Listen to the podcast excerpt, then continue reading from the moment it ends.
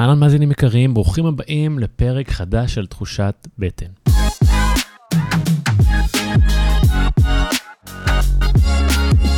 אה, וואי, איזה סופש היה. אני אהבתי את הסופש הזה מכמה סיבות, חוץ מזה שהיה שמש והמדים בחוץ. אה, כביכול היינו בסגר, אבל אה, מדינת ישראל או מדינת תל אביב, ובטוח גם ארגוני, גופי האכיפה, לא ממש עשו מאמץ אה, לאכוף את הסגר. אה, ואהבתי את זה. זה כאילו אנשים הבינו שכבר אין קשר כל כך בין הסגר אה, לעניין ה- הבריאות שלנו, אה, במיוחד כשמשחקים אה, בו בכזאת אה, קלות ראש. אז אהבתי את זה. אה, בנוסף, אם אתם חדשים כאן, אז תחושת בטן היא תוכנית שבאה לעשות לנו קצת סדר בכל מה שנוגע לבריאות שלנו. אני המנחה שלכם, מתן חכימי, יוצר סרטים, חוקר בריאות, מאמן בריאות ומחבר הספר חוקי בטן. בשנים האחרונות אני חוקר את הקשר בין אורח החיים שלנו לבריאות שלנו, אה, ואני אוהב לחלוק את הדברים האלו איתכם, במיוחד אה, בגלל הפידבקים שאני מקבל מכם, אה, שזה נהדר. אה, בפרק האחרון אמרתי שאני אעבור לפרק פעם בשבועיים כדי להקל על העומס ועל הלחץ, אה, ולפעמים זה דבר טוב, אבל חשבתי על זה קצת והבנתי שזה אולי הדרך שלי קצת אה, לוותר לעצמי, או לעשות לעצמי חיים קלים, ואולי זה לא הזמן בשביל זה. אז אני אנסה כן לעמוד בפעם בשבוע. אה, מה שזה אומר, שאם זה בא לכם בטוב, אז כשאתם חושבים על מישהו שיהיה מעניין לראיין אותו לפודקאסט, שלחו לי הודעה, איזה DM באינסטגרם, איזה הודעה במסנג'ר, או שאם אתם רואים אותי ברחוב, תצעקו לי. היום אני מארח בפעם השנייה את קארין קידר. קארין uh, היא זאת שאירחתי uh, לפני מספר שבועות, ועשינו את הפרק שהיה נקרא פרק בענייני נשים. Uh, והפרק הזה קיבל המון המון המון uh, חשיפה, וגם קיבלנו פניות חוזרות, uh, קיבלתי פניות חוזרות ונשנות uh, ובקשות uh, להעמיק איתה את התכנים שדיברנו עליהם. Um, אז זה מה שקרה הפרק הזה. Um, דיברנו בעיקר על המחזור החודשי, uh, על כאבי וסת, על craving ב- במחזור, um, על, על גלולות נגד הריון ועל כאבים. ועל הפרשות, בעיקר על הפרשות, הרבה על הפרשות, וזה מה זה מעניין, אני למדתי מזה המון. אז שבוע נהדר והאזנה נעימה, ולהתראות בקרוב. היי קארין. היי. איזה כיף את פה פעם שנייה. בדיוק קארין ואני סיימנו להקליט פרק שהיא ראיינה אותי, אבל לא יודע אם תשמעו את זה לפני או אחרי. היום אנחנו ביום מרתון הקלטות. אבל למה את פה, קארין? את יודעת למה את פה? ספר לי. כי לאחר, ה...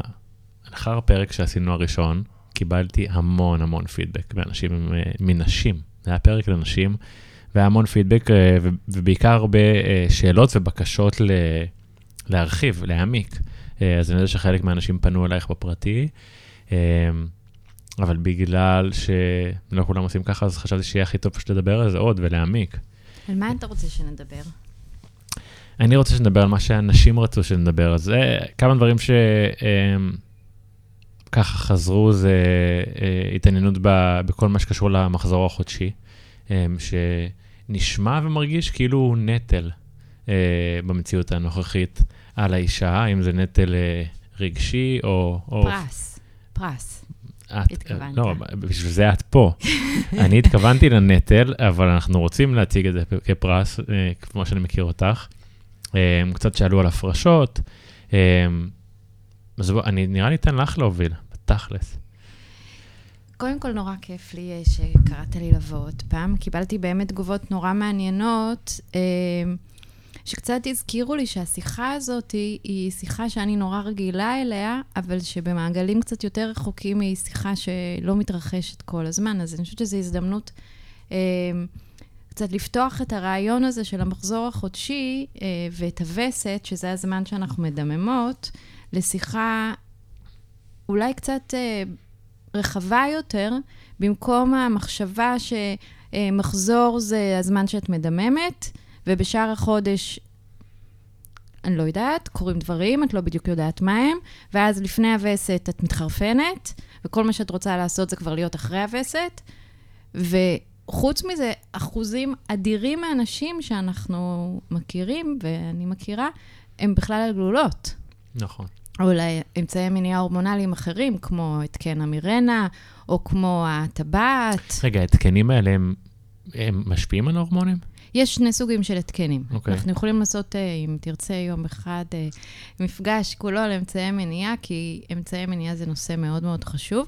היום אנחנו נדבר עליו פחות, אבל יש שני סוגים של התקנים. יש התקנים שהם התקנים לא הורמונליים, שמה שהם עושים זה הם משבשים את היכולת בעצם של ההשתרשות, ויש התקנים שהם התקנים הורמונליים, שבהם יש בהתקן עצמו חשיפה קבועה בתוך הרחם לפרוגסטרון, שמשפיע על הרירית של הרחם ולא מאפשר השתרשות, אבל גם משפיע אה, על, על ביוץ, ולכן נשים שמשתמשות בהתקן שהוא הורמונלי, לרוב פשוט לא יהיה להם וסת. איזה סיבה יש לתעדף את ההורמונלי על הלא הורמונלי?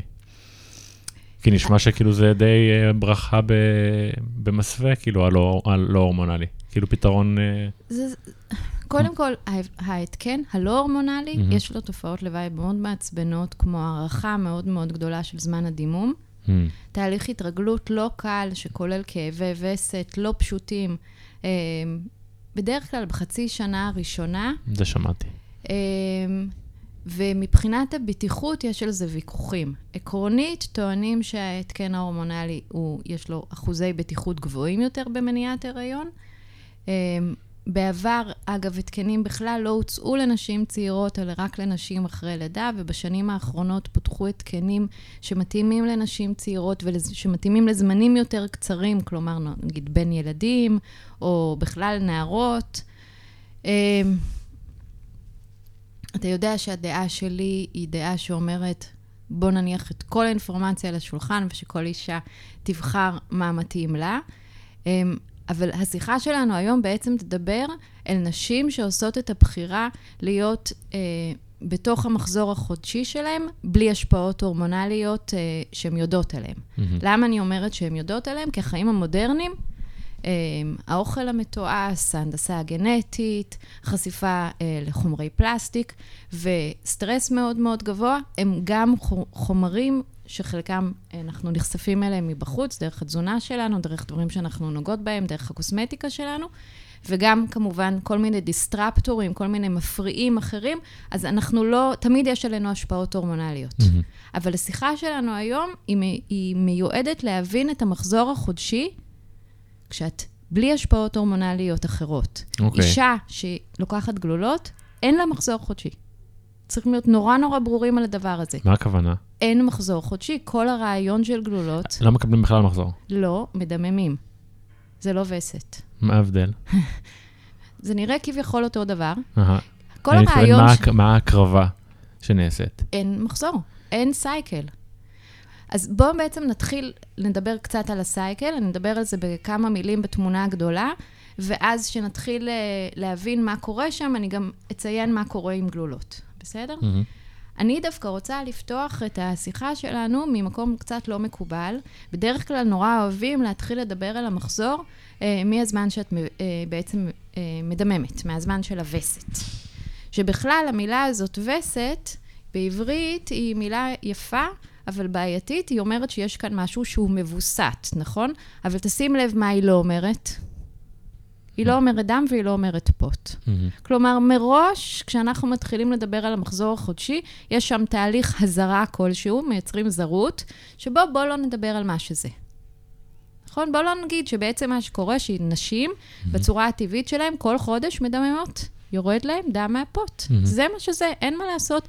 והדם הזה, זה דם שהגוף פשוט הכין למשהו ולא השתמש בו. Mm-hmm. אז אבל בעצם, לפני בכלל שאנחנו מתחילות לדמם, ומשם אני רוצה לפתוח, אה, יש הכרעה. ומה זה ההכרעה הזאת? הגוף מכריע כל שבוע, חודש מחדש, אם היה הריון או אם אין הריון. אם יש הפריה, אם אין הפריה. והתהליך של הווסת מתחיל כבר בסביבות שבוע לפני הווסת, כשהגוף מבין הנפש לרוב עוד לא יודעת mm-hmm. אם היה הריון החודש או לא היה הריון החודש. אוקיי. Okay. ואז, אני קוראת לזה הסתיו מתחיל. הסתיו הזה זה הזמן שבו הגוף קיבלה החלטה, אין הריון, בואו, אנחנו היום מדברים על המחזור בלי הריון, והיא מתכוננת להשיל לה, את האנדומטריום, את הרירית של הרחם, mm-hmm. אנחנו נגיע על איך היא מתכוננת, הרירית הזאת, ומתחיל תהליך שבו הרירית מתחילה לאבד את ההחזקה שלה, והגוף מתכנסת לעבר תהליך של הדימום החודשי שלנו, שזה הווסת. וזה הזמן שהרבה מאוד נשים מתארות את החוויות האלה של uh, תסמונת קדם ויסטית, uh, התחושה שהן מתחרפנות בשבוע לפני הווסת, תופעות של אגירת נוזלים, של uh, sugar cravings, ותכף אנחנו נדבר על מה לעשות כדי לנהל אותם, אבל מה שקורה שם זה תהליך שבו קרתה הכרעה, שאני לא יודעת אותה כל כך. לגוף הייתה איזושהי תקווה, mm-hmm. כלומר, הגוף הביולוגי שלנו, בלי הנפש, מכין את הערירית כל חודש לאפשרות של הריון. Mm-hmm. יש איזושהי אכזבה בגוף, כי הוא הכין ולא נתנו, okay. אוקיי. שזה בסדר גמור, אבל עדיין זה מה שקורה. Mm-hmm. ומגיעה הווסת. הווסת היא הכניסה שלנו לחורף שלנו, לזמן שבו יש גשם, זלעפות, mm-hmm. ואם קודם הסתיו, יש את ההכנה לשלכת, אתה מכיר את התקופה הזאת בחוץ, שאנחנו מתחילים לראות את העלים, מתחילים לנשור, ואתה הולך ברחוב, ויש פה עלי חום, וכאן עלי צהוב, ופה עלי אדום, הסתיו הזה, mm-hmm. זה מה שאנחנו קורא לנו, ואז מגיע החורף. ובחורף מתחילה הווסת. וסת, בסך הכל, זה תהליך של נשירה של רירית הרחם שהתכוננה לאפשרות של הריון. Mm. זה מה שזה. ושם בעצם קורה שיפט נורא מעניין. כי מי שהחזיק את כל הרירית הזאת, הפרוגסטרון, שנגיע לדבר איתו, בעצם מרפה, הוא עוזב. ואז כשהוא מרפה, אז הרירית יכולה לנשור. ואז מתחת לפני השטח, בזמן שאת מדממת, מתחיל התהליך של הפוטנציאל החדש, שזה דבר מדהים בעיניי. Mm. הגוף שלנו גם נפרד וגם מתחיל תהליכים בעת ובעונה אחת. אז בחורף, מתחת לקרקע, שאתה לא יודעת ואת לא רואה כלום, הגוף מתחיל לגייס זקיקים. כל חודש הוא מגייס כמה עשרות של זקיקים, שהזקיקים האלה נמצאים אצלי בגוף מהזמן שהייתי עוברית. כלומר, דיברנו על זה בפעם הקודמת, שבזמן שאני בבטן של אימא שלי, אני כבר נוצר לי כל פוטנציאל הזקיקים שאי פעם יהיה לי. הכל. והגוף מגייס כמה זקיקים, ואז יש איזה זקיק אחד שהוא נהיה הזקיקת על, המלכה של החודש, והיא זאתי שהגוף ממשיך לטפח, וכל הדבר הזה קורה בגלל מחשב שיש לי בתוך הראש. המחשב הזה נקרא בלוטת יותרת המוח, שהיא מפרישה הורמון שנקרא FSH. FSH, follicle stimulating hormone, הורמון שמגרה זקיקים. ומה הוא אומר לזקיק? הוא אומר לזקיק, בואי, יאללה, בואי נתקדם, בואי uh, נעשה אפשרות לייצר uh, ביצית. Mm-hmm. והזקיק הזאת, מה שהיא עושה, היא מפרישה אסטרוגן. אסטרוגן זה הורמון מאוד מאוד ג'וסי. הוא הורמון כזה של... בוא, בוא, בוא נבנה אפשרויות, בין, בוא נייצר סיפור חדש. היה לנו פה משהו מתחת לפני השטח, והוא מתחיל להיבנות ולהיבנות, והגוף מפרישה אסטרוגן, mm-hmm. והאסטרוגן הזה גורמת לי להרגיש שמחה ונגישה, ובעניין למלא דברים, ואני mm-hmm. מרגישה מלאת פוטנציאל, והתקופה הזאת נשמעת כמו שהיא, האביב שלי. אז באביב שלי, כשמתחילים לגדול בתוך הגוף שלי זקיק שיהפוך להיות ביצית, רמות האסטרוגן שלי עולות בגוף. Mm-hmm. ואסטרוגן זה ההורמון הכי כיפי שיש. זה הורמון שגורם לי להרגיש מה זה ג'וסית, ואז הגוף גם מתחילה להבין שאנחנו צריכים ללכת לכיוון של ביוץ, לקיץ שלי. הזקיק מגיע לגודל מסוים, רמות האסטרוגן עולות בגוף, והמוח אומרת, אוקיי, אוקיי, אוקיי, אוקיי, אוקיי, בוא נבייץ. אז ה-FSH מפסיק להיות מופרש, מתחיל להיות, זאת אומרת, הוא ממשיך להיות מופרש, אבל הוא לא דומיננטי, ונכנס שחקן חדש שנקרא ה-LH, שזה הורמון הביוץ, זה luteinizing hormone, והוא גורם בעצם לזק... לזקיקה הזאת, היה לנו את המלכה האם, הזקיקה, שתעשה ביוץ. ומה זה ביוץ? ספרי לי. ביוץ זה דבר מהמם. יש לנו זקיק. מהמם, אני אוהבת לקרוא לזה זקיקה, כי אחרי כל זה קורה אצלי בגוף, נראה מהמם, יותר מתאים לי. והוא נגרע מהשחלה. אוקיי? כן. אבל הוא נגרע מהשחלה אחרי שהוא עובר תהליך שבו הזקיק מתפצל לשני דברים. לביצית, שהיא ביצית בשלה, ולדבר שנקרא גופיף צהוב. גופיף צהוב זה ה... נקרא לזה התיק גב הזה שהבית, שהזקיק היה לו, היה לנו את הביצית, ועל התיק גב יש צידה לדרך. צידה לדרך הזאת זה הפרשה של הורמון שנקרא פרוגסטרון. ומה זה פרוגסטרון בעברית? פרו-הריון. Hmm. פרוגסטרון. זה מאוד פשוט שם, נכון? ממש. אז פרוגסטרון זה הורמון שבא ואומר, אוקיי, יכול להיות שיהיה פה הריון? בואו נאפשר לו תמיכה. אז הזקיק הזה נשאר באזור של השחלה, והביצית יוצאת מהשחלה. עכשיו תקשיב, זה הדבר הכי מטורף בעולם. ידעת, ידעת פעם שיש... יש לנו את החצוצרות, נכון? והרחם. החצוצרה לא מחוברת לשחלה. היא עומדת ליד, ויש לה כאלה כמו זרועות.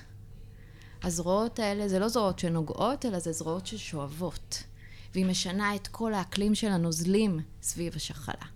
והיא בעצם, השחלה זורקת את הביצית לחלל, והחצוצרה תופסת אותה.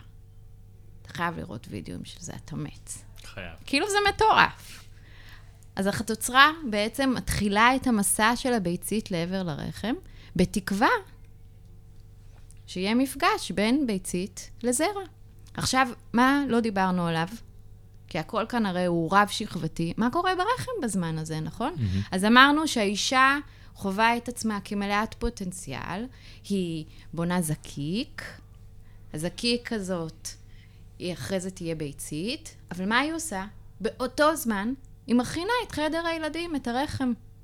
היא מהבית ערירית, היא הופכת את הרירית להיות... אתה מכיר את זה שאתה מוציא את השמיכה מה... אה, לפני ה... שאתה צריך שמיכה, אתה מוציא אותה מהשקית שהיא הייתה, ואז אתה מנער אותה טוב טוב, ומכה בה, ומאוורר אותה. כל מה שאתה אומר, כאילו, יואו, איך בא לי כבר להתכסות בה? מהמם. ככה זה ערירית. אוקיי. היא מתאבא, היא נהיית עם שכבות, היא נהיית אוורירית, היא נהיית מפרישתית. ככל שהאסטרוגן עולה, מה האישה חווה בתחתונים שלה? הפרשות יותר עשירות, יותר ג'וסיות. ומה זה ההפרשות הג'וסיות האלה? זה הפרשות שאומרות, האסטרוגן שלי עולה. אז האישה יכולה שיהיה לה אה, הפרשות שהן בדרך כלל שקופות. והן אלסטיות. מה זה אומר אלסטיות? הסבר הכי פשוט, נזלת. שקופה. זה הפרשה תקינה של לקראת ביוץ. ואז, כשה-LH, ההורמון הזה של הביוץ עולה, מהמם. הגוף החכם שלנו עושה לנו סימון. והיא גורמת לנו שיהיה לנו הפרשה שהיא הפרשה פורה. מה זה אומר הפרשה פורה? מה אתה עושה כשאתה הולך, אה, נגיד, אה, אתה נוסע באנדרגראונד בלונדון, מהמם. אוקיי? הגעת, נכון זה נורא נורא עמוק? מהמם. אז עכשיו אתה עולה את כל המדרגות ברגל? מהמם. מה פתאום, יש מדרגות נאות. לא צוחקת. אני עולה ברגל, אבל סליחה. יופי, יש לך? מה יש לי? אז זה מעולה, אתה עולה ברגל. אבל אם בזמן שאתה עולה ברגל המדרגות גם יעלו, מהמם. מגניב, נכון? אתה חלום. גם... יופי. אז זה מה שההפרשה הזאת עושה. אוקיי. עכשיו, איך את יודעת שיש אותם? איך? את מכניסה את האצבע לפתח הנרתיק. את מרגישה קצת הפרשה. ואז את עושה, אתה מכיר את זה שאנחנו ילדים, ואנחנו משחקים עם הנזלת, והיא. נמתחת לנו בין האצבעות? בול אותו דבר. אוקיי. בול. פתאום יש הפרשה אלסטית. עכשיו, תחשוב על האלסטיות הזאת, זה כמו צינורות. שאתה גולש, יש לך צינור כזה, שכשאתה נכנס אליו טוב עם הגלשן, אתה מרגיש כאילו איך, אתה לא צריך לעשות כלום חוץ מטוריליס, מהמם. אותו דבר הזרע יכול לעשות. אוקיי. כשהוא מגיע ופוגש את ההפרשה הפורה הזאת, מהמם. הוא עושה עם הרגליים, אתה לא ישן הרי על הגלשן, נכון? מהמם. אבל הגל לוקח אותך. מהמם. ההפרשה הזאת לוקחת, עושה stairway to heaven, לעבור דרך צוואר הרחם לתוך הרחם. אז את רוצה להגיד, אם אני מבין נכון, שההפרשה הזאת היא דרך שלך להבין שאת מבייצת גם? היא אומרת, בובי, יום-יומיים, את מבייצת. אוקיי. רוצה להיכנס להיריון? now is the time. Hmm. למה? כי הכי טוב שהזרע יחכה לביצית, ולא הביצית תחכה לזרע, מהמם. כמו בחיים. אבל אם אני יודעת שאני לא רוצה הריון, מהמם. לא הזמן. קונדומים. לא, זמן מאוד, פשוט קונדומים. כן. אין מה לעשות. ככה אני מנהלת את החיים. וואו, למדתי משהו מדהים. כאילו, בטוח שגם כל מי שמאזין עכשיו למד משהו. אז מה היה לנו? היה לנו כאן בעצם את החורף, מהמם. שהיא הווסת, ואז את האביב, שזה שלב הגיוסים. מהמם. אני מגייסת הכל, אני מגייסת את האנרגיה שלי. ברחם שמתאבע, אני מגייסת ביצית, מהמם. אבל מה קורה לי בנפש? אני מרגישה מגויסת להכל. מהמם. נגיד, אם הבן זוג שלי מגיע ביום, בימים האלה של האביב, ועושה לי שיחת טלפון בדרך, אומר לי, בובי, אה, כל החברים באים לראות אה, כדורסל בערב. אני עפה, אני אומרת לו, אין בעיה, אני מכינה לכם לאכול, מגניב, קניתי בירות, כי אני רספונסיב, אני מלאת אסטרוגן, אני בעניין. אחרי זה הם ילכו, אני אגיד לו, אל תשכח להעיר אותי. כשהם חוזרים, אל תשכח להעיר אותי, אני כולי בעניין. ובזמן הביוץ, כי אני בכל זאת ביולוגיה. הכי חרמנית. מה? אני מפוצצת אסטרוגן, אני full availability, מה יהיה יותר מזה, מעניין. אוקיי? מהמם. אבל אז מה קורה? הביוץ קורה, ודיברנו על זה שהביצית מתחילה לטייל בתוך החצוצרה לעבר הרחם, מהמם. ובוא נגיד והיא לא פגשה זרע. זה החודש שלנו. לא, לא פגשה זרע, מהמם. בסדר? אז היא כבר פחות מעניינת אותנו, כי ביצית שלא פגשה זרע ולא עוברת הפריה, לא מחזיקה מעמד. אבל הגופיף הצהוב, אותה מערכת שמפרישה פרוגסטרון ומאפשרת לנו לקיים הריון אם הייתה הפריה, אוקיי. ממשיכה להחזיק מעמד. ולכן יש לי במשך בערך שבועיים מהזמן שבייצתי אספקה מלאה של פרוגסטרון. עכשיו, פרוגסטרון זה הורמון מאוד יפה, אבל הוא קצת לא מתאים לעולם המערבי. למה? כי זה הורמון כבד מאוד. וזה הורמון שאם...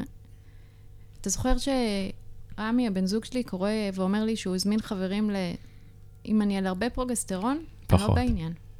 אני לא בעניין. אני לא רוצה. אין לי כוח. קודם כל, יש לי פחות כוח פיזי. מבחינת היכולת אה, של להחזיק מעמד. ושתיים, יש לי פחות מצב רוח להיות אה, זמינה ושירותית. אסטרוגן זה הורמון מגניב לשירותיות. זה הורמון שמאפשר לנו, נשים, להיות בזמינות, לדאוג לזולת. כשיש ממנו פחות ויש לי יותר פרוגסטרון, הרצון שלי לזמינות לזולת, ככה. כמה זמן הוא מחזיק? עקרונית הוא מחזיק בין 12 ל-14 ימים. זה לא אומר שאני לא רוצה לדבר עם אף אחד, מהמם. אבל... זה הרבה זמן, נכון, חודשית. אבל זה הורמון מדהים, כי מה הוא אומר לי? הוא אומר לי, בואי ניפגש. לי. בואי נהיה קצת לבד, את ואני. בואי נחשוב מחשבות. בואי נראה מה קרה בשבועיים עד כה, מה אנחנו רוצות להשאיר, מה אנחנו פחות רוצות להשאיר. ואם אני חכמה וקשובה לעצמי, אז אחרי הביוץ ולקראת הווסת, בשבועיים האלה, אני עסוקה יותר ברפלקציה, יותר בהתבוננות. אני פחות מצפה מעצמי לעשות, יאללה, הכל כרגיל, בוא נבנה, בוא... כלומר, שבועיים מהחודש אני בפול בנייה. ושבועיים מהחודש אני בהטמעה, מה למדתי, מה בניתי עד כה, וגם מה אני לא רוצה יותר. אז השבוע האחרון, אותו סתיו שדיברנו עליו, אחרי שהגוף הבינה שאין הריון, והפרוגסטרון מתחיל לרדת, אנחנו נחשפות נפשית לכל השיט שעד כה היינו עסוקות בלא לראות. כי בוא נגיד ורמי אמר שהוא בא עם חברים לפיצה, אבל בבוקר רבתי איתו. מה, אני עכשיו אתחיל אה, להגיד לו, אבל אתה יודע, והבוקר וזה, אני אגיד, טוב, יאללה, קארין, תתקדמי. אבל שבועיים אחרי זה, הדבר הזה עולה אליי, ואני מתחילה לשאול את עצמי שאלות, מה היה שם? שוב, אם אני קשובה, אז אני יכולה להרים לו טלפון ולהגיד לו, אתה שומע? עכשיו שאני uh, בסתיו שלי, אני רוצה שנדבר על מה שהיה שם. במקום זה, מה שאנחנו לרוב עושות, זה אחד משני דברים. או שאנחנו עפות עליכם, או על עצמנו. אנחנו מעולות, מעולות בלעפות על, לעוף על עצמנו, להיות מגעילות לעצמנו, ביקורתיות. ואז, לרוב אנחנו מוסיפות עוד משפט. תעזוב, אני לפני מחזור, אל תקשיב לי. אני עוד שבוע יש לי וסת, אל, אל תיקח אותי ברצינות. והבעיה הגדולה היא שגם אנחנו לא לוקחות את עצמנו ברצינות. במקום להגיד, איזה מתנה הגוף הגאוני הזה נותן לי? ל-truth telling, ממש לדברי אמת, אולי בווליומים לא כל כך נעימים, אולי בעוצמות שהן די מציפות, אבל במקום להיות חכמה ולשאול את השאלות החשובות, מה הנפש שלי רוצה להגיד לי? מה הגוף שלי רוצה להגיד לי? אה, לא דייקתי בתזונה? טוב, אני אדייק יותר. אני צריכה לישון יותר? אוקיי, אז אני אשן יותר. אני צריכה להוריד מהלך בעבודה? אני צריכה להוריד מהלך בעבודה. יש לי מחר פגישה שהיא פרזנטציה, ואני לא במצב רוח לפרזנטציה. חבר'ה, בואו נקבע את הפרזנטציה לעוד שבוע וחצי, שאני אהיה באביב שלי. אתם תקשיבו, אתם תעופו על ההרצאה, אבל השבוע, לא כל כך, כי רוב הסיכויים שאני גם אהיה מלאת ביקורת עצמית, כי אני עוד לא מאומנת. אז בעצם, הדבר המדהים שיש במחזור החודשי, זה שכל חודש יש לך את ארבעת העונות. כל חודש, סתיו, חורף, אביב, קיץ. כל חודש את מקבלת צ'אנס מחדש מהגוף שלך ומהנפש לתעשות תהליכי דיוק. אחלה גישה. ו... אחלה דרך להסתכל על זה, שנראה לי רוב האנשים לא מסתכלים. רוב האנשים לא מסתכלות על זה ככה. איך הם יסתכלו על זה? מי ילמד אותם? קארין קידר. תראה, אנחנו כל כך... Uh, שבויים ושבויות בתפיסות uh, גבריות על איך צריך להיות, או איך את צריכה להיות, שמאוד נדפקנו ואנחנו דופקות עצמנו כהוגן. תחשוב כמה דאגות ילדות מחזיקות על הווסת, כי לא מספרים להם. תחשוב, אתה יודע מה? בוא נסתכל על הדבר הכי פשוט. ראית פרסומת לתחבושות או לטמפונים לאחרונה? לא לאחרונה. באיזה צבע הנוזל שם שסופגים אותו? כחול. נכון. Mm. אתה יודע שהדם שלי הוא אדום? יודע. איזה מוזר. כלומר, כל הזמן אומרים לנו, תתביישי. כל הזמן אומרים, תסתירי. אל תדברי על זה, תתנהגי יפה. עכשיו, אם אני נורא נורא עצבנית בשבוע לפני הווסת, אפילו אני עצמי לא מרשה לעצמי להיות עצבנית, כי אני אומרת לעצמי, תעזוב, תעזבי, אני לפני הווסת. למה שאני לא אגיד לעצמי, תגידי, מה קורה? בואי, בואי, בואי נדבר, בואי נראה מה, מה באמת פה. אוקיי, אז יש הרבה רעש. את יכולה שנייה לקחת אוויר ולהגיד מה באמת את מרגישה? כי היום זה מה שנגיד אני עושה. אני מאלה שהילדים שלי יודעים שאני שבוע לפני מחזור, הם רוצים לברוח מהבית. אני משוגעת. אבל אם אני קשובה, אני לא משוגעת. אני אומרת האמת. והיא לא תמיד נעימה. Mm. ועידון זה לא הצד של הסתיו. סתיו הוא לא מעודן. מה קורה לעץ אחרי שנושרים ממנו העלים? הוא ערום. Mm-hmm. נכון? חד משמעית. זה התהליך של הסתיו והחורף, גם אצל נשים. עכשיו, בחברה שכל הזמן אומרת לנו, את צריכה להיות לבושה, את צריכה להיות מעוגנת, את צריכה להחזיק, את צריכה לדעת בדיוק איך את שולטת על הרגשות שלך, אסור לך להיות אלימה, אסור לך להיות תוקפנית. איך, איך התהליך הזה יהיה תהליך שאנחנו נקבל אותו באהבה ובקבלה?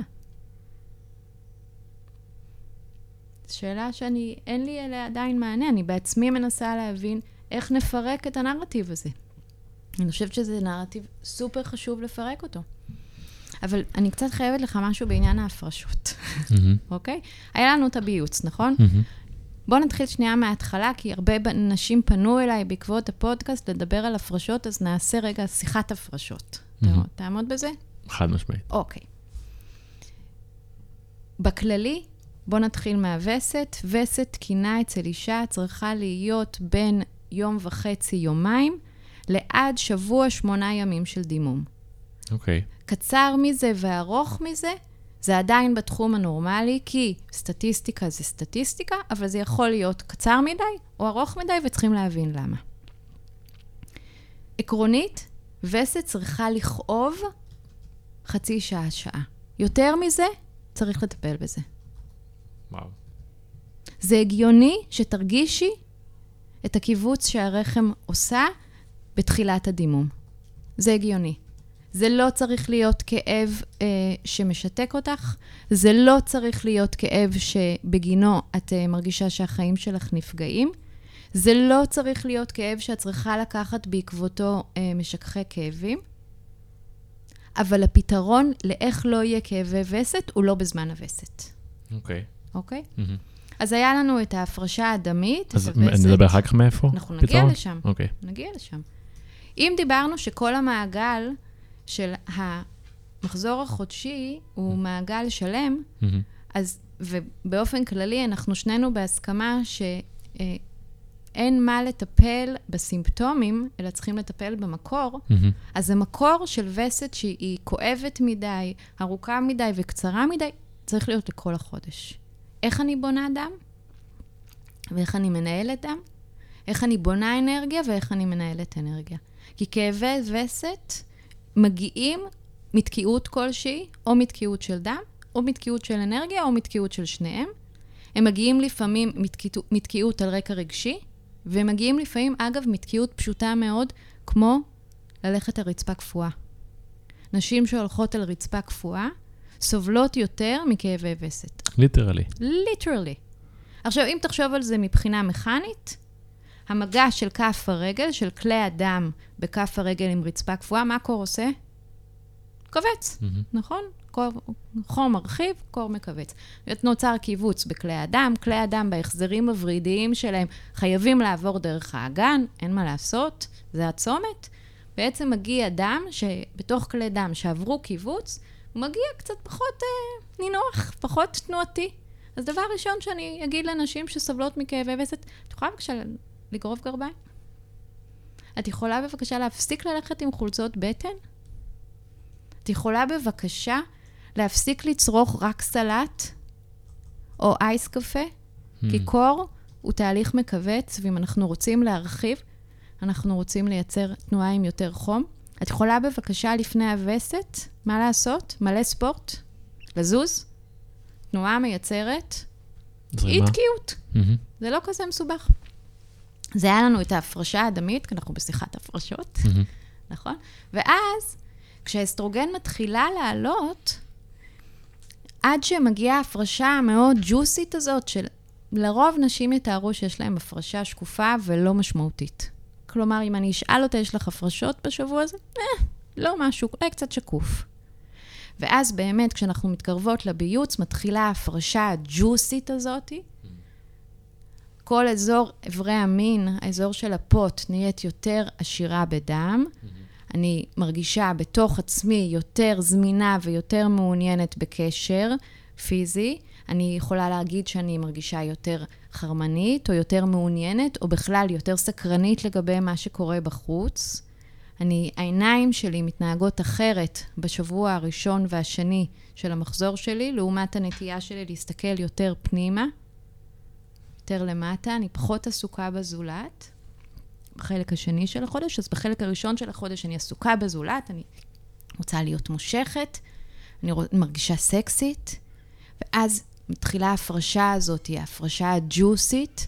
נשים ממש יגידו, תקשיבי, כשאני מנגבת בפיפי, אני מרגישה שאני מחליקה. אני אגיד לה, בדיוק זה. בדיוק זה. הבן זוג שלי יכול לפעמים להגיד לי, בובי, תגידי, קצת מוזר, אנחנו, זה קצת מוקדם לך בחודש. ואני אגיד, מה? אמר לי, יש לך הפרשה של אה, לקראת ביוץ. Hmm. כלומר, אצלי גבר. אין כמוהו. אין כמוהו. אבל המסע הזה לעבר אה, ההנאה מהעונות, זה יכול להיות מסע זוגי מדהים. מסע שבו אני מספרת לבן זוג שלי על אה, כמה דם היה לי, ושהיו לי הרבה כרישים אה, של דם בתחילת הווסת, ושזה מעניין מה קרה שנתקע שם, ומה אני צריכה לשחרר יותר. ואני אספר לו על הכאבים שחוויתי, ואני אבקש ממנו עזרה. ואני אבקש ממנו שיהיה ער למתי אני יותר מעוניינת במין ומתי אני מעוניינת פחות במין, ושהוא לא יצטרך רק שכל הזמן אני אגיד לו.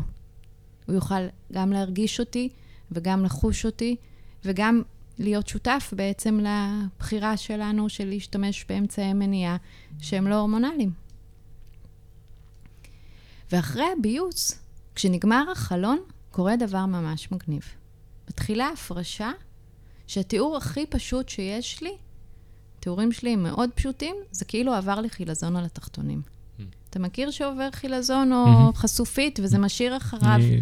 אני-. ככה, זה קצת נראה כמו הפרשה שהיא יותר שמיכה, מהמם. היא לא נחמדה לזרע. היא, היא לא נותנת לזרע לעבור יותר מדי. אין, אין בך עניין כרגע. היא שמיכה יותר. היא יכולה להיות לבנה, היא יכולה להיות צהבבה. היא נראית כאילו מישהו השאיר שובל על התחתונים. יש נשים שיש להן הפרשה כל כך שמיכה, שהן יכולות להגיד לי, תקשיבי, זה נראה כמו קרם. או כמו הפרשה שערבבו אותה עם טלק. מהמם. וזו הפרשה שהיא לא הפרשה פורה. מהמם. עכשיו, כיוון שאתה עוד לא בעומק של השיחה הזאת, ויהיו כאלה נשים שישמעו, הם יגידו, תקשיבי, אבל מה אני עושה אם עשינו סקס לא מוגן, ולמחרת יש את ההפרשה שיוצא איתה זרע? כי זה גם הפרשה שהיא קצת לבנוונה כזאת, איך אני אדע? מהמם. וזה כבר ממש דורש ללכת לעשות קורס, אם זה הדרך שבה את רוצה להימנע מהיריון, לכי תעשי קורס של מודעות לפריון. כי אפשר להבדיל, אני לא ארד לדקויות האלה, זה עניין של לשפשף בין האצבעות ולהרגיש איך זה מתייבש ואיך זה מתפרק. זה ממש בר, בר למידה ואפילו לא למידה מסובכת. מהמם. אבל מי שתגיד, ובצדק, שאחרי שהיא מקיימת יחסי מין לא מוגנים, יש לה הפרשה על התחתונים ולא יודעת להבדיל אם זה הפרשה לא פורה או זרע, אפשר ללמוד להבדיל, מהמם. וואו. אוקיי? ועכשיו, את כל השיחה הזאת אנחנו יכולים לעשות על מלא דברים, על מה קורה לי בעור כתוצאה מחשיפה לאסטרוגן ופרוגסטרון, ל-FSH, ל-LH, מה קורה לי בשדיים, מתי בשדיים שלי הם יותר מלאים, מתי הם יותר מרוקנים, מתי אני יותר רגישה, מתי אני פחות רגישה. אני יכולה לעשות את כל השיחה הזאת על מה קורה לצוואר הרחם שלי.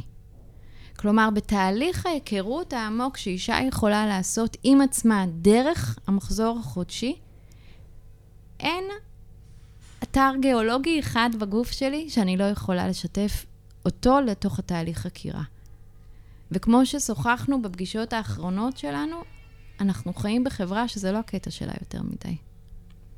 ואם אישה באה ואומרת לי, תשמעי, זה לא מעניין אותי. אני רוצה לא להיכנס להיריון, אני לא רוצה מחזור, זה לא... אני לא רוצה שתהיה לי וסת, אז אני אניח על השולחן את כל האופציות, אבל אני אגיד לה, אין מחזור חודשי כשאת נוטלת טיפול הורמונלי.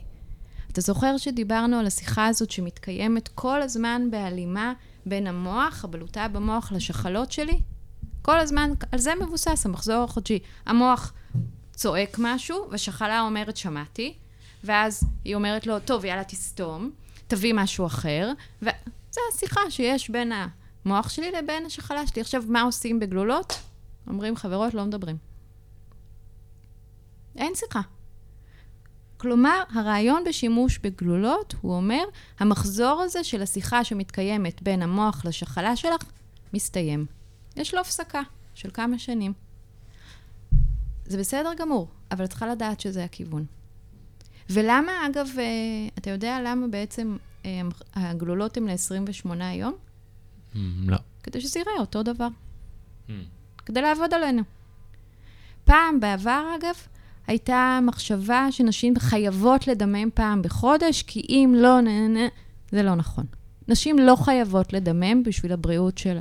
ויש לכן היום גלולות חדשות, כמו Seasonique, ועוד כל מיני גלולות שהן גלולות רציפות, שבה לאישה יהיה דימום ארבע פעמים בשנה. ואם מישהי תבוא ותגיד לי, אבל זה לא בריא, או כל מיני דברים, אני צריכה לנקות את הרחם, אני אגיד לה, תקשיבי, זה לא נכון. את צריכה לנקות את עצמך מכל ה disruptors האלה, שבכלל לא מאפשרים שיהיה שיחה הורמונלית. אבל אם זה הבחירה שלך כאמצעי מניעה, זו בחירה לגיטימית, והיא בריאה בדיוק או לא בריאה בדיוק, אותו דבר כמו גלולות חודשיות. הגלולות החודשיות נבנו במבנה של 28 ימים, כדי לדמות מחזור חודשי רגיל של אישה. אין להם שום הסבר רפואי חוץ מזה. צריך להיות נורא נורא ברורות עם הדבר הזה.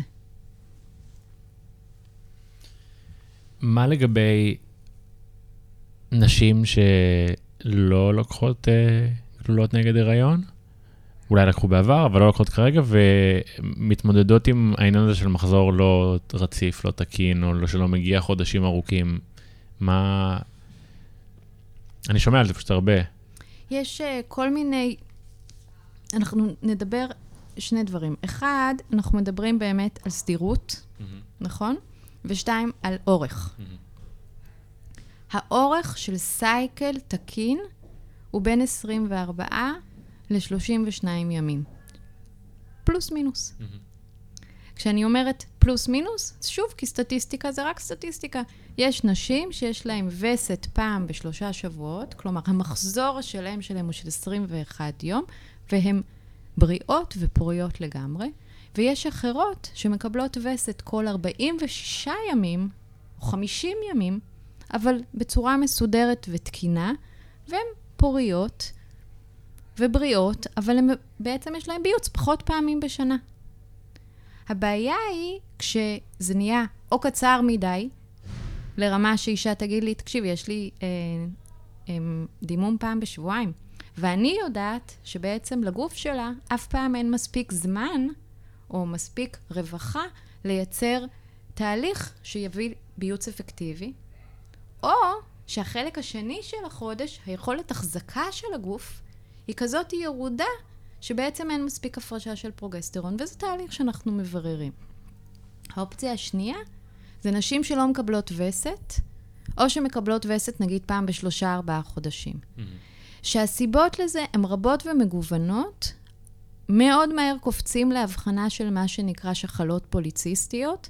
אני חייבת להגיד שלהרבה נשים יש מבנה פוליציסטי בשחלה, ולא הופך אותם לסובלות מתסמונת השחלות הפוליציסטיות.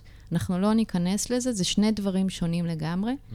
שמבנה פוליציסטי אצל נערות הוא תקין לחלוטין, עד שהשחלה בעצם עוברת תהליך הבשלה, היא נראית באמת מרובה במיני זקיקים. אז לאבחן שחלות פוליציסטיות צריך זמן. ושלוש, שזו לא הסיבה היחידה ושיש אלף ואחת סיבות. חלקן זה סיבות הם, הורמונליות, של בעיות של הפרשות. חלקם זה סיבות של רצפטורים, מי מקבל? כי כל התהליך של הורמונים הוא נורא מעניין, כי הוא לא בנוי רק מההורמון, הוא מקבל גם מהרצפטור. וזה אומר שתהליך הורמונלי תמיד יש לו שני מרכיבים, מפתח וחור של הדלת. אתה יכול שיהיה מלא מלא מפתחות מסתובבים, אבל אם לא יהיה מי שיתפוס אותם, שום דלת לא תיפתח. והפוך, נכון? ואני טוענת שבנוסף לאלה, כי כל מה שאנחנו מדברים כאן הוא חצי מערבי, יש סיבות אנרגטיות משמעותיות וסיבות רוחיות. יש נשים שכל הרעיון של להיות אישה הוא מאוד מאוד בעייתי עבורם. יש נשים שנמצאות ברמות סטרס כל כך גבוהות, שהגוף שלהם, החכם, mm-hmm. מאוד מאוד חכם, מבין שאם נעמיס על הדבר הזה עוד הריון, יהיה רע מאוד. Mm. רע מאוד. וואו. כי אחרי הכל, באמת, מתן, אנחנו יונקות, זה הכל. אנחנו חושבות שהמצאנו את העולם, אנחנו חושבים שאנחנו יצורי על, אבל אנחנו בסך הכל יונקים. זה הכל. נכון. ויונקים, כמו כל החיות האחרות, לא מתרבים בתהליכי סטרס רבים מאוד, ורובנו נמצאות בתהליכי סטרס לא רק ארוכים, אלא ארוכים ולא נגמרים. לתוך זה אני רוצה לדבר על העברות בין-דוריות, מה סיפרו לי על המחזור, מה סיפרו לי על פריון, מה סיפרו לי על המיניות שלי, וכל זה מתערבב לאיך נראה המחזור החודשי שלי ואיך נראית הווסת. אז כשמגיעה אליי אישה לשוחח על המחזור שלה, אגב, אתה יודע, מגיעה אליי אישה עם בעיות בברך, אני עדיין אדבר איתה על המחזור. כי בעיניי הדבר המדהים במחזור, זה שהוא מאפשר לנו, לעצמי, להציץ על הבריאות שלי לעומק. לך אין סמן שאומר לך, מתן, תתיישר. אין לך סמן חודשי שבא ואומר לך, אחי, מה זה הסתבכת החודש? לי יש את זה כל הזמן. אני רק צריכה להיות בסינק. אז אני חושבת שלנו יש, לא, אני לא בצחוק, מתנה שמקדמת בריאות אדירה, ואנחנו מטומטמות אם אנחנו לא משתמשות בה. ממש מטומטמות אם אנחנו לא משתמשות בה. שוב, בסדר גמור להגיד, אני לא רוצה את המתנה הזאת. אף אחד לא חייב לקחת מתנות שהיא לא רוצה. כן. אבל אם את רוצה את המתנה ואת לא משתמשת בה, או אם יש לך את המתנה ואת לא משתמשת בה, בעיניי חבל. אם הטבע, שאני אצא קצת אה, מתנשאת, בחרה בנקבות להיות אלה שמחזיקות הריון ויולדות, הופכות אותנו להיות בעצם דמות יותר משמעותית בתהליך הרוויה, נכון? עשר נשים יכולות להיות מופרות מזכר אחד. זכר אחד זה זכר אחד. אז ב- בסוף במלחמת ההישרדות, נשים תמיד ינצחו. אנחנו יכולים להכניס לזה שיח על תרבות ועל פטריאח, פטריארכליות, או על אה, חברה שמנוהלת מגברים. אנחנו צריכים להסתכל מה קורה בחברות מטריארכליות, חברות שמנוהלות נשים, איך הסייקלים מנוהלים. ואני אומרת לך, דיברנו על זה מקודם, מכיוון שזה החומרים שאני עכשיו טובעת בהם, המצב רע מאוד. רע מאוד. אנחנו כל כך מנותקות וכל כך מנתקות, שאני אני לא צוחקת, אני ממש מודאגת. ממש מודאגת. אני כל כך רוצה שנפתח אה, שיחה חדשה, פשוטה וערה, על, אה, על המחזור החודשי כסמן בריאות, ולא המחזור החודשי כשיט, נדפקתי, אני נוסעת לאילת עם חברות ואני אהיה במחזור. תראי, בתור מישהו שמתעניין בתזונה, אמרת משהו על uh, אחד מהתופעות אה, uh, לוואי של PMS, זה sugar craving, אמרת גם עוד כמה דברים. גם אגב, אם מדברים על תזונה, אז יש הרבה נשים שיש להן uh, חשקים למלוח, לא למתוק. Mm. אתה זוכר שדיברתי קצת על פרוגסטרון, שזה הורמון שמאט, mm-hmm. שזה הקטע שלו, להאט? Mm-hmm. מה אנחנו לא אוהבות לעשות? להאט? להאט. אנחנו חיים בחברה מודרנית. להאט uh, זה liability. Mm-hmm.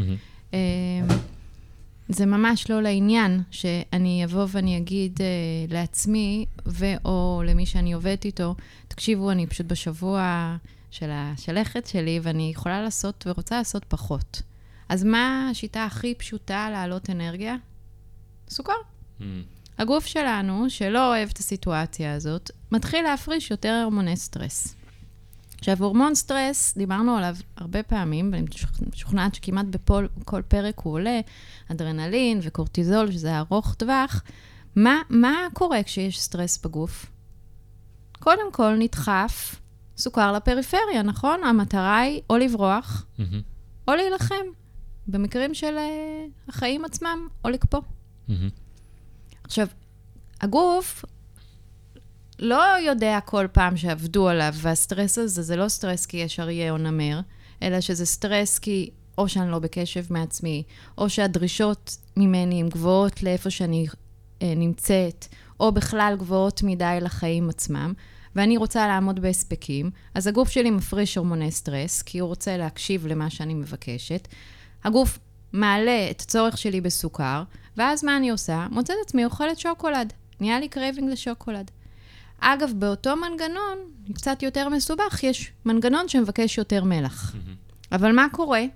אני... האם זה יד ביד באות, אה, מקביל למה שקורה בהיריון? שיש craving למתוק ולמלוח? זה אותו דבר? לא, מאותו... לא, אוקיי. לא. אז נשאר באיפה שלנו. זה דומה, אבל זה לא. אוקיי. הגוף שלנו תמיד הוא חכם. באמת הוא תמיד חכם, הוא רק לפעמים קצת מבולבל. Mm-hmm. כשאני במתח, הקריאה האמיתית של הגוף שלי, אם אני בקשב, זה להירגע, mm-hmm. נכון? Mm-hmm. אני צריכה לבקש מהגוף שלי לברר מה מקור המתח, האם המתח הזה הוא אמיתי, כי אני אדם תבוני, אני בכל זאת, או שבאמת יש פה נמר, האם יש עליי איום אמיתי. הבעיה היא שמערכת העצבים המרכזית שלנו, היא לא עושה את הדיון הזה.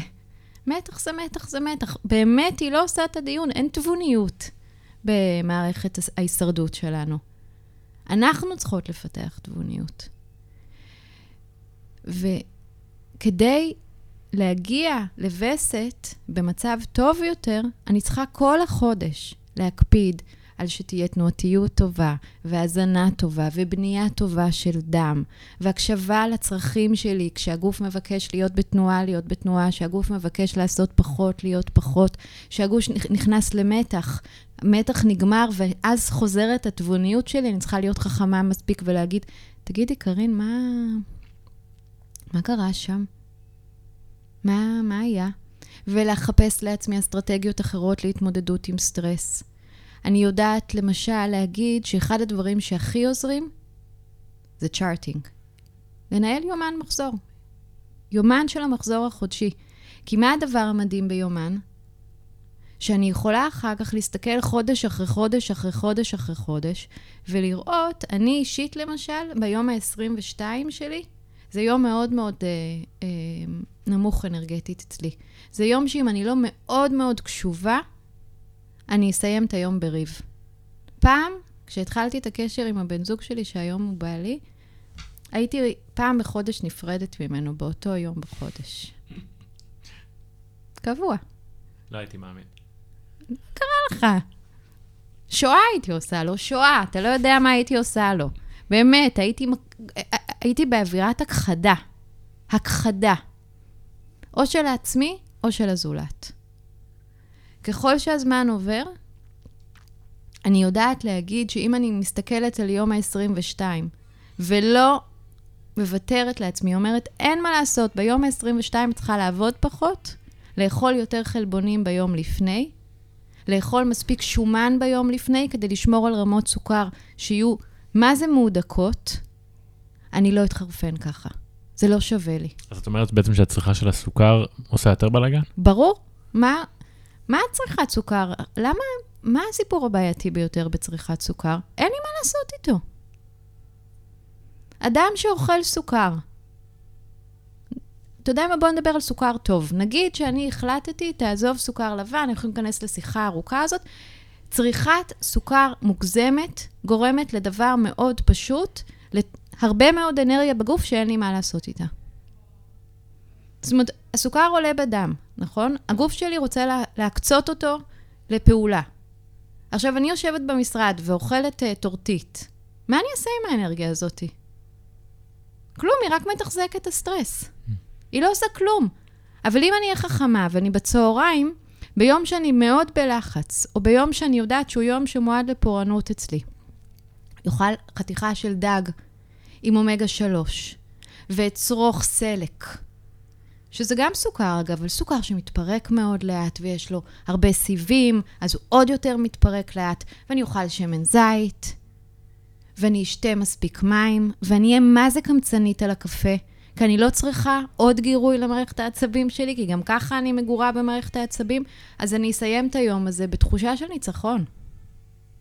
אתה יודע מה זה בשביל אישה כמוני, כמו נשים אחרות, ששנים סבלו מהפרעות טרום-ויסטיות, ששנים רבו עם כל העולם ועם עצמם בשבוע לפני הווסת, מגיעות למצב שבו יש ניצחון על הדבר הזה? זה מגיע רק מתהליכי התבוננות. כי מה הבעיה הגדולה שאתה בסטרס? אתה מאמין לעצמך. אי אפשר שלא, אגב, בחוכמה. אי אפשר שכל פעם שאתה נלחץ, המערכת תבוא ותגיד, אה, סליחה, מותן, זה לא אמיתי. זה לא מערכת הישרדות טובה, הישרדות אמיתית טובה אומרת שתמיד אני אאמין לסטרס. אבל אני אהיה חכמה ואנחנו נהיה חכמים אם כשהגורם סטרס הגדול ירד, אני אאבד אותו. אני אשלים את המעגל. ואני אדע בפעם הבאה, בפעם הבאה אני אדע איזה ריח יש לחיים שמתחיל סטרס. ואני אדע לעצור בזמן.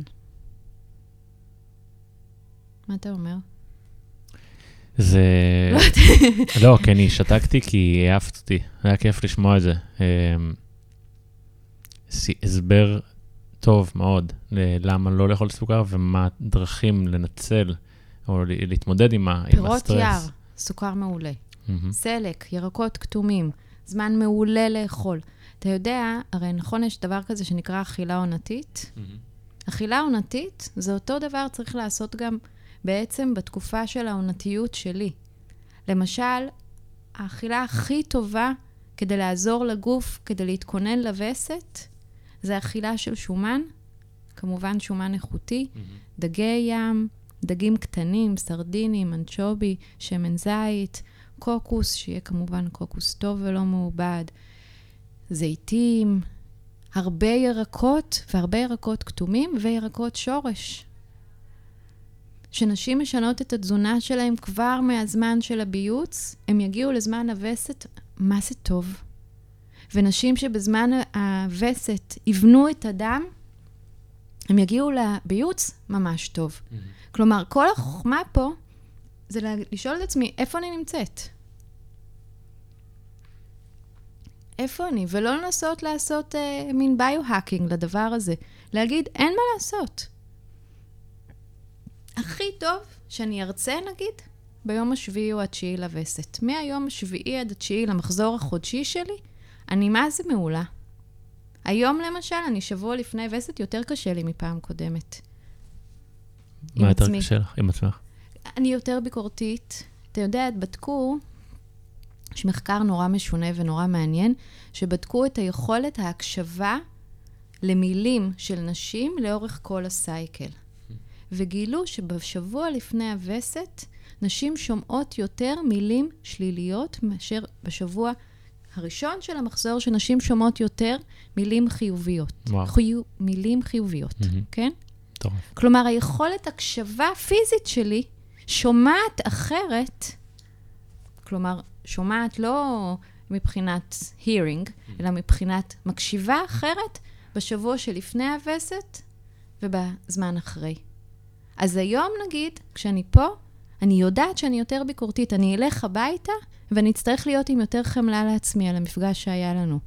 כשתגיע הביקורת, אני אצטרך להגיד לעצמי, בובי, זה ממש בסדר, את בשבוע של השלכת שלך, ובשלכת לא קל.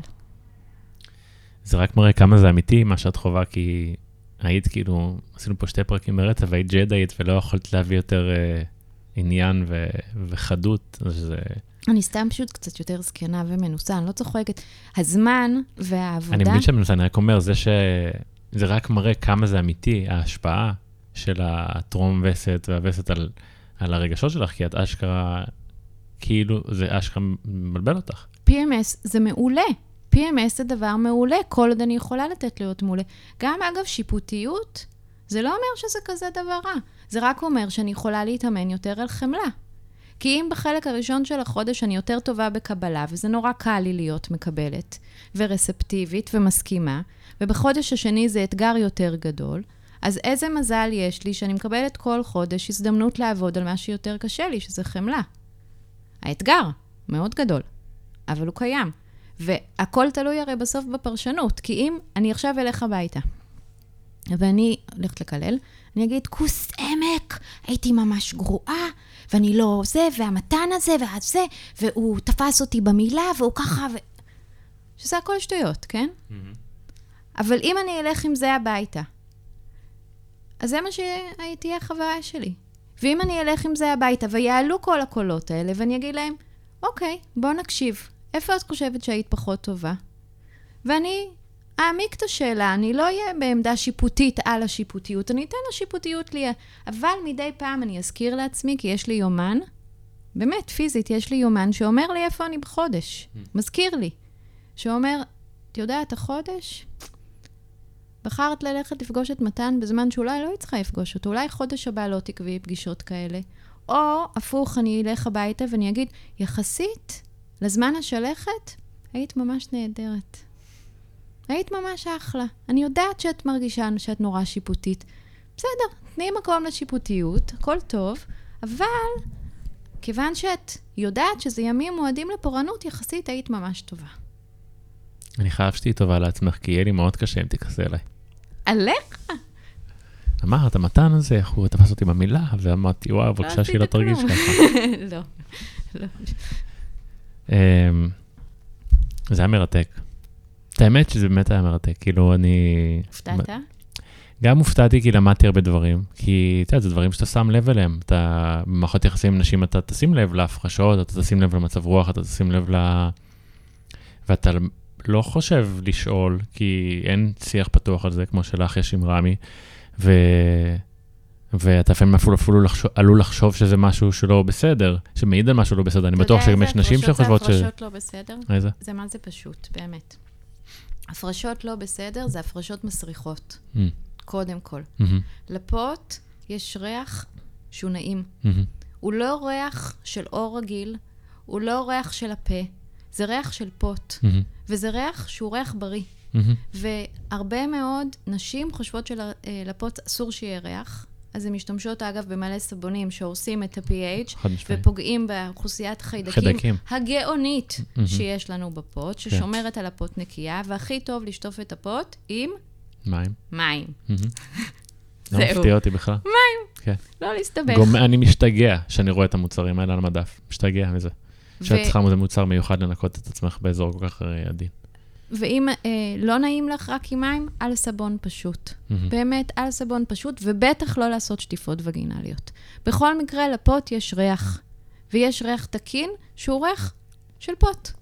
ואם את לא בטוחה, תלכי לחברה ותגידי לה, תגידי, את יכולה לתת לי להריח את ההפרשה שלך? אני לא בטוחה שהיא תקינה.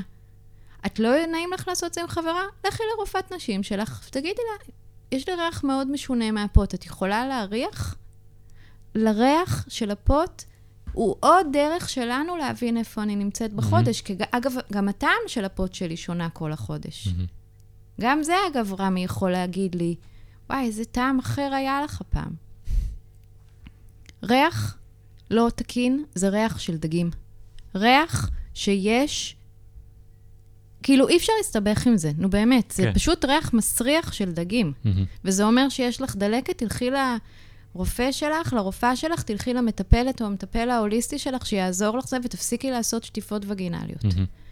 הפרשות נוספות שהן לא תקינות, זה הפרשות ששורפות או מגרדות. זה אומר שמשהו שם לא בסדר. ואגב, בשביל זה יש רופאות ורופאים שעשו התמחות, התמחות מלאה במבוא העירייה, ולא כל הפרשה אה, שהיא מגרדת או לא תקינה זה פטריה. הנטייה זה ללכת לנשים הולכות לרופא או לרופאת נשים, הן אומרות לו, מגרד לי, והרופא נותן להם איזשהו טיפול לפטריה, הוא לא בודק אותם, הוא לא עושה תרבית, סתם. ואגב, מלא הפרשות לא תקינות זה בכלל לא פטריה. זה כל מיני דלקות מסוגים שונים, ואפשר לטפל בהם בכל מיני דרכים, מהטיפול המערבי, של טיפול, אם זה פטריה אנטי-פטרייתית, דרך טיפול אנטיביוטי וכן הלאה וכן אבל הלאה. את לא חוששת שטיפול אנטיביוטי יעשה פגיעה בחיידקי אני הנרתיק? לא מחליטה על המטופלות שלי, אני מציעה להם. לא, אני שואל אותך, אבל את לא אני לא חושבת שזה בעייתי? אני משתדלת שזה לא יהיה הפתרון שלי. אני, יש לי דרכים אחרות בצמחים. אני אומר, אז חשוב להגיד. כי כמו ש- אה, כמו שאנטיביוטיקה תפגע בחיידקי מעי, אנטיביוטיקה תפגע בחיידקי הנרתיק. לא לא תפגע, בהכרח היא תפ- פוגעת. אז היא לא בהכרח תפתור את המצב לטווח יכול הארוך. להיות שתפתור את, ה, את הדלקת הנקודתית. נכון, אבל אז לא תעשה תפ- בעיה כמו לשטוף את ה- כמו לשטוף עם סבון... אה, אין ויכוח, אני מסכימה איתך לגמרי, אבל שוב, כיוון שאני בדגל הפרו-צ'וייס, ה... ואני מחויבת אליו, אני אציג למטופלות שלי את האופציות שיש להן. מהמם. אני יכולה להציע לך את הטיפול שלי, שזה דיקור וצמחים, שינוי בתזונה, ואת יכולה ללכת לרופא שיציע לך טיפול משלו. ואגב, יש בעיות מסוימות שרופאים עושים אה, טיפול יותר טוב ממני. מהמם. אגב, כשהגענו למצב שהאקלים של הפוט ושל הנרתיק כל כך איבדו, לפעמים אני אגיד לה, בואי נתחיל מטיפול מערבי, נעשה מה שנקרא אקונומיקה. כן. ונתחיל תהליך של שיקום, Mm. של אה, הפלורה שלך, של הקשר שלך עם אה, הפוט ועם הנרתיק שלך, אה, של אה, נשים למשל אה, מורידות שיער בכל מיני דרכים, ואז מתחילות דלקות הוריות. נשים משתמשות בחוטיני, שזה באמת אחד מהרעיונות המטומטמים ביותר שיש לבריאות הפוט. וואלה? כן. לא ידעתי שחוטיני פוגע ב... לא ידעתי את זה. תחשוב על חוט. אוקיי? שעושה טיול מפי הטבעת לעבר הנרתיק. כל היום. עכשיו, בפי הטבעת יש אוכלוסיית חיידקים X, ובנרתיק יש אוכלוסיית חיידקים Y. אם יש משהו שהפוט שלנו לא אוהבת, זה הגירה של חיידקים מאזור פי הטבעת לאזור הנרתיק. בטוח. זאת אגב הסיבה שכשנשים מקיימות יחסי מין אנאליים, מאוד רעיון גרוע יהיה לקיים אחרי זה יחסי מין וגינליים בלי מהמם. לעבור דרך המקלחת. כן. נכון? מהמם. אבל מה הן עושות את זה? הן עושות את זה לעצמן כל היום, שהן אה, משתמשות בחוטיני. וואו. מלא נשים משתמשות בתחתוניות. מהמם. ומה יש בתחתוניות? מבשמים. כן.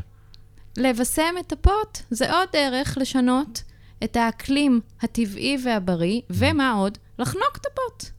כן. הפוט שלנו צריכה תחתונים מכותנה. אגב, עדיף לבנים, כי גם צבע, צבע אה, יכול להשפיע. וואלה. הכי פשוט, תחתוני כותנה של סבתות. וואו. זה הדרך הכי טובה לשמור על הבריאות. ואת, יש לך הרבה הפרשות? איזה רעיון מטורף? תחליפי תחתונים. כמה פעמים ביום. אין לך מה ללכת ולהחליף כל היום אה, אה, תחתוניות. תחזיקי בתיק שתי זוגות של תחתונים מהסט של התחתוני סבתא שלך. כנסי לשירותים, תחליפי תחתונים. וואו. blow my mind. אתה אוהב חוטיני, אה? חשבתי על זה שעכשיו שאני אראה בחורה עם חוטין, אני אחשוב, אני אחשוב קודם על הבריאות שלה מאשר על סתם זה שהיא נראית יפה. קארין קידר, את, אה, את ברכה למין הנשי ולעולם הזה. אני לא צוחק איתך, באמת, כאילו, וואו. תודה שבאת עוד פעם. חברים, תודה שהצטרפתם והאזנתם עד הסוף. אה, מקווה שנהנתם מהפרק הזה, אני יודע שאני נהניתי ממנו. אה, אשמח לפידבק, תשלחו לי פידבק, שלחו לי הודעות. אה, ותדרגו אותנו, אם אפשר, אה, אם אתם מאזינים באפליקציה של אה, אפל פודקאסט, אפשר לדרג אותנו עם כוכבים ולכתוב ביקורת. אה, אני תמיד שמח אה, לקבל הודעות מכם, ואם אתם רואים אותי ברחוב, תגידו שלום. אה, ואני מבקש מכם כרגיל, אם בא לכם שהמידע הזה יעזור לעוד אנשים ועוד נשים, אה, תחלקו אותו בסטורי, ב- ב- בפייסבוק, אה, בהודעות פרטיות, אה, כל דרך אפשרית, כדי שכמה שיותר אנשים יתעצמו ויתחזקו מהתכנים החיוביים האלה. אה, שיהיה שבוע נהדר.